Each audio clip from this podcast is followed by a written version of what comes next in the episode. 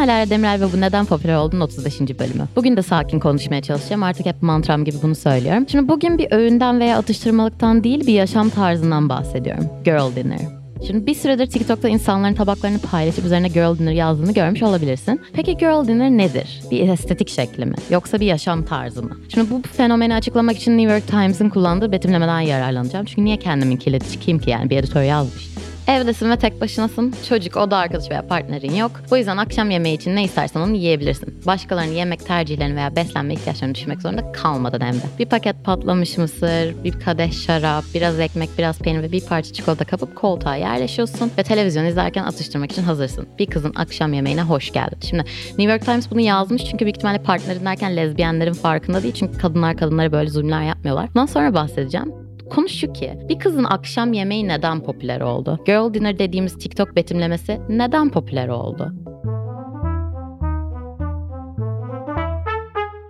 Şu an Girl Dinner yazınca TikTok'ta toplam 2.6 milyar görüntülenme var. Yani bu viral yemek trendi tipik olarak şöyle temsil ediliyor. Şimdi tipik bir kızın akşam yemeği genellikle bir çeşit meyve, bir parça cheddar peyniri, dilimlenmiş salam, krakerler, melba tost olabilir mesela ve bir kase zeytin içerebiliyor. Ve bir TikTok yorumuna göre de yani TikTok'ta içerik üreten ve bu konuyu yorumlayan birine göre bir kızın akşam yemeği hem karmaşık hem de doyurucu bir şey. Gerçek bir yemek için gereken önceden düşünme, pişirme veya tabak düzenleme gibi adımları gerektirmiyor. Veya şeymiş yani hani şöyle de özetlenebilir. Hazırlık yok sadece atmosfer var. Ve bu bir girl dinner. Yani bu bir kızın akşam yemeği. Dolayısıyla ben de girl dinner'ımı paylaşmaya heyecanlandım. Çünkü kimseyi veya kimsenin yargısını düşünmeden yemek hazırladığım zaman ya ekşi mayalı ekmeği dümdüz yiyorum ya çok mutlu oluyorum ya da melba tostumun yanına sarımsaklı peynir ve prosciutto alıyorum. Mis gibi sınıfsaldır. Bu menü sadece domatesli makarna ve yoğurt da olur. Mesela benim en uzun süredir devam ettirdiğim girl dinner'ım ekmek ve yoğurttur. Şöyle ki insanlar zaten tabaklarını çekip paylaşıyorlardı. Ne oldu da bu viral bu kadar patladı diye soru soran varsa herhalde kadınlık deneyimiyle çok içli dışlı olmamış bu kişi. Zira konu yine temsile kadınlık deneyimiyle gelen bu kimseyi düşünmediğim zaman keyfim bu deme durumuna geliyor. Yani inanılmaz toplumsal cinsiyetle alakalı tabii ki. Her şey öyle. Bu kuralı ben koymadım. Sonuçta olacak o kadardaki sarhoş tiplemeye gönderme yaparak ben çocuğuma bir mandalina alamayacak mıyım sorusunu güldürmesi kadar temsille alakalı bu. Çünkü çok kişiyi temsil ediyor ve çok kişi gülüyor buna. Çünkü standart şartlarda yani heteropatriarkal düzene ait olmak zorunda kalmış bir kadının hep akşama pişecek şeyin derdine düştüğünü bilmiyor muyuz? O derde düşmediğinde kendi için hazırladığı bir keyif tabağı yok mudur? O bir keyfim var karışmayın demez mi?